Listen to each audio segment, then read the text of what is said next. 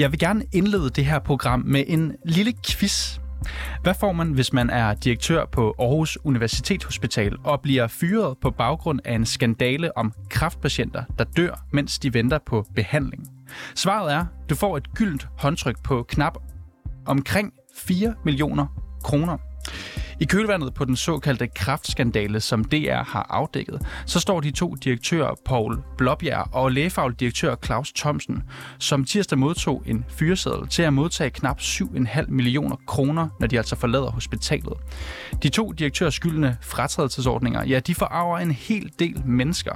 På Twitter, der kalder Dansk Folkepartis sundhedsordfører Mette Thiesen det for vanvittigt, at man giver det her gyldne håndtryk. Hun skriver, i DF, der mener vi ikke, at udulige dygtige direktører, der begår grove fejl og lovbrud, skal belønnes. Tværtimod.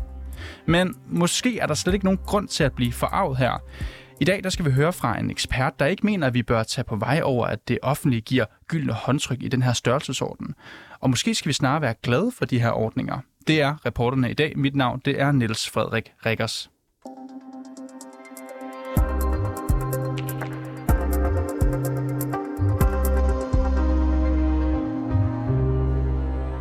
Og det hele vender altså tilbage til spørgsmålet, hvorfor skal folk, der er dårlige til deres arbejde, have så mange penge, når de bliver fyret? Det spørgsmål det har vores reporter Peter Marstal stillet professor i økonomistyring på Aarhus Universitet, Per Nikolaj Buk. Og lad os lige høre, om professoren han er enig i kritikken fra Dansk Folkeparti. Jeg er ikke farvet over, at de som udgangspunkt skal have en fratrædelsesgodtgørelse. Det er jo de vilkår, der er, hvis man bliver fyret fra sin stilling. Så har man jo rettighederne i den aftale, man har, og de ser ud til, at de har helt almindelige fratrædelsesvilkår. Så det er klart, at det skal man have.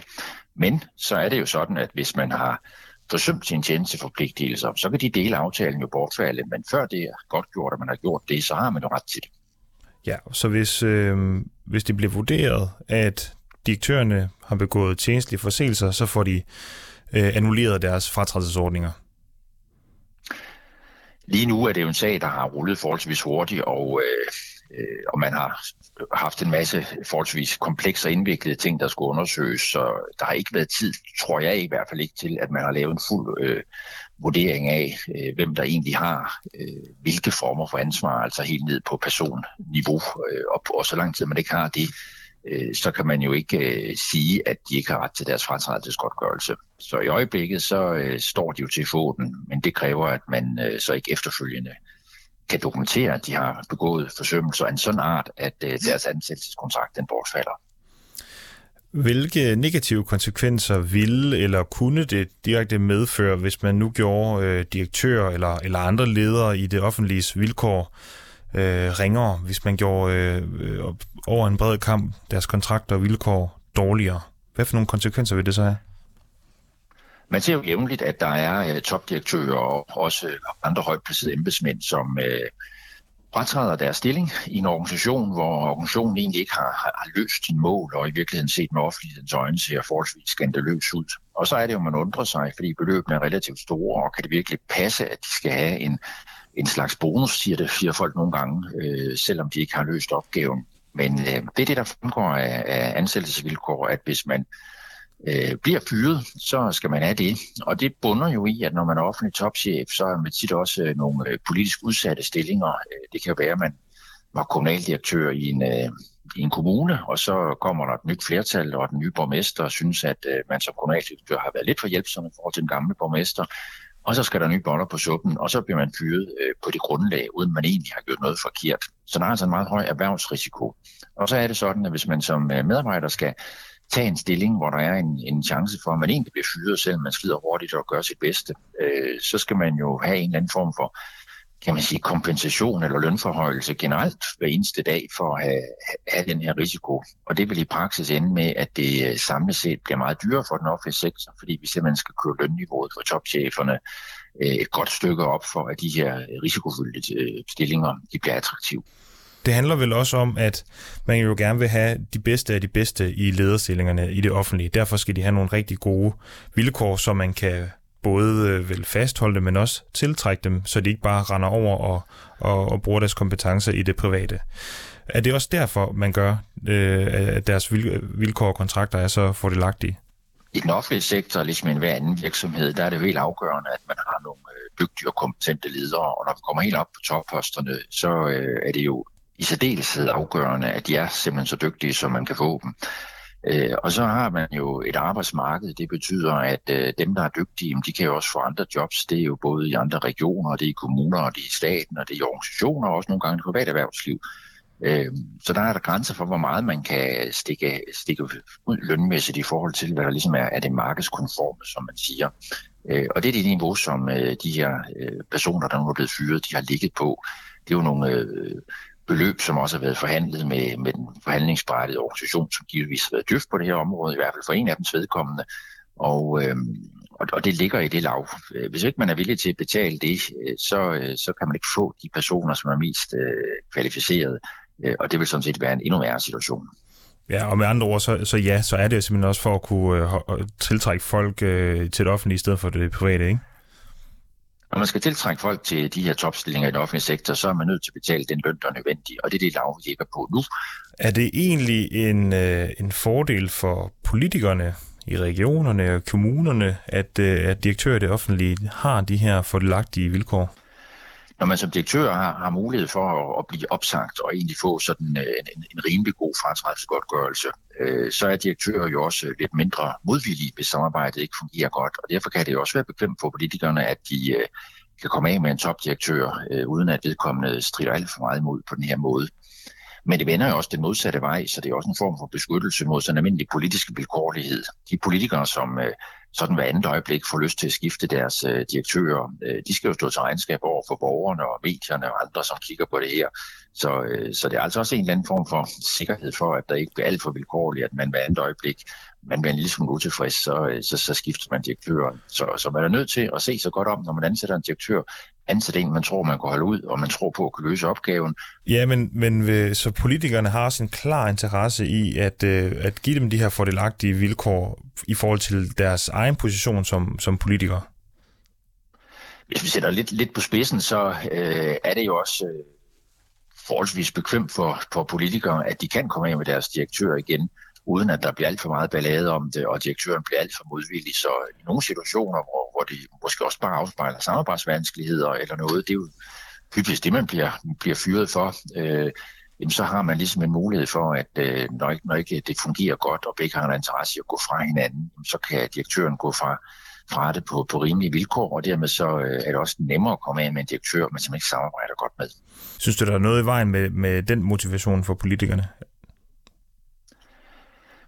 Hvor, hvorvidt øh, den her motivation, den fylder meget for politikerne, det, det, det, det er svært at sige. Så, så, så det er mere sådan en, en, en bieffekt ved det hele, som vi ikke kan komme udenom. Øh, det primære i det her, det er jo, at man får en ansættelsesmæssig beskyttelse som direktør, sådan at man ikke bliver fyret på baggrund af forskellige politiske luner eller politisk utilfredshed. Så man får en form for beskyttelse. Og egentlig så øh, beskytter det jo også lidt direktørerne mod at, at, at, at bare blive fyret, så, så politikerne tørt af på dem. Det vil de jo også kunne gøre, hvis, øh, hvis man slet ikke har nogen opsigelsesvarsel. Her skal politikerne trods alt stå på mål for, at de har synes, det var forsvarligt at udbetale de her ansættelses- øh, eller fratrædelsesgodtgørelser. Så det er jo egentlig ikke direktørernes skyld, de får det. Hvis nogen synes, det er et stort beløb, så skal de jo kigge ind på de politikere og den øh, direktion i regionen, som har ansat de her direktører, som så til synligheden ikke kunne løse opgaven og har brugt de her penge. Og man kan jo se rundt omkring i den offentlige debat, at der er øh, alle mulige slags typer, der ligesom bliver øh, forarvet over, at de her to direktører på Aarhus Universitetshospital sammenlagt får øh, i alt 7,5 millioner kroner øh, i deres fratrædelsesordning. Øh, man kan jo spekulere lidt i, hvorfor folk bliver farvet. Det kan jo være noget med, jamen, hvis de har øh, været inkompetente eller simpelthen ikke passet deres arbejde godt nok, hvordan kan det så passe, at de skal have så mange penge i en form for belønning, når de nu alligevel også bliver endda fyret. Øh, men, men bare lige for at gøre det klart, at de her to direktørers fratrædelsesvilkår egentlig typiske for sådan offentlige ledere eller, eller direktører, eller er de her deres øh, vilkår øh, helt vilde ekstraordinære? Når jeg ser på størrelsesorden og de, øh, de vilkår, der har været fremme i medierne, så virker det her som fuldstændig sædvanlige ansættelsesvilkår, man bruger alle steder i den offentlige sektor. Øh, det, at beløbet bliver så stort, det afspejler jo på den ene side, at det er to personer, og så at de øh, i det hele taget har en høj løn, som, som jo også er det niveau, man ligger på, når man har den her type stillinger i, i den her størrelseorganisation. Og så er der jo både de almindelige opsigelsesvarsler, som man har som funktionær, de er jo også forskellige måneder, og så er der oven i det Øh, en særlig fratrædelsesgodtgørelse. Øh, og det skal man jo huske at sige, at det er en godtgørelse for, at man er blevet fyret, inden, altså ufrivilligt fyret og, og uden for kontraktens øh, udløbstid. Så det, det er en godtgørelse for. Det er ikke en bonus for veludført arbejde. Okay, og så kan man vel også forvente, at øh, der øh, fra tid til anden kommer de her øh, farvelseshistorier omkring de her øh, offentlige direktørs øh, fordelagtige fratrædelsesordninger, fordi som du siger, at det her er jo egentlig ret typisk for, for direktører eller ledere i, i det offentlige. Det har vi set mange gange før, og det kommer vi også til at, øh, til at se igen. Det eneste, som i virkeligheden er måske lidt formidlende her, er, at de her to direktører til synligheden ikke har haft en resultatkontrakt. Det er jo det, som ellers tænder folk meget af, at man øh, har direktører, som ud over deres faste løn, også kan få en såkaldt variabel løn på baggrund af nogle resultatmål, de skal indfri.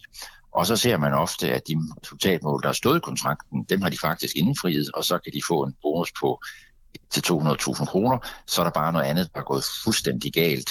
Og så er det jo det for alvor begynder at se underligt ud, når man udover at få sin fratradsgodtgørelse og sit godtgørelse for opsigelse, altså også får en bonus for veludført arbejde.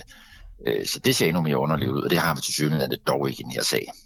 Okay, så bare lige for at opsummere, det er, altså det er godt, at offentlige direktører med sådan et stort ansvarsområde har nogle gode vilkår, god løn, god kontrakt i forhold til, til fratrædelsesordningen, fordi at konsekvensen ved, at de ikke har det, øh, er værre.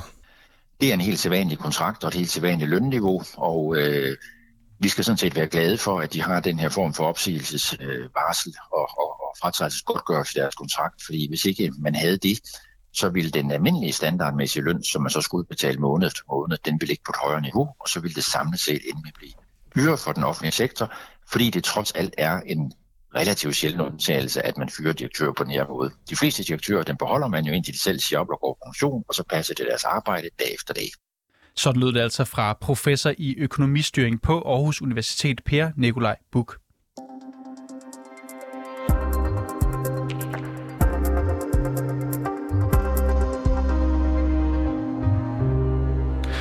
Du skal have tak, fordi du lyttede med til reporterne i dag. Husk, at du kan lytte til os hver mandag til fredag direkte mellem kl. 15 og 16. Og du kan finde alle vores podcasts på vores hjemmeside 247.dk, på vores app eller der, hvor du normalt finder din podcast. Og hvis du har noget, som vi skal undersøge, hvis du har et godt tip, eller hvis du blot har ris eller ros, så kan du altid skrive til os på reporterne snabelag 247.dk. Bag den her udsendelse var Peter Marstal, Toge Gripping, Mille Ørsted er redaktør, og jeg hedder Niels Frederik Rikkers.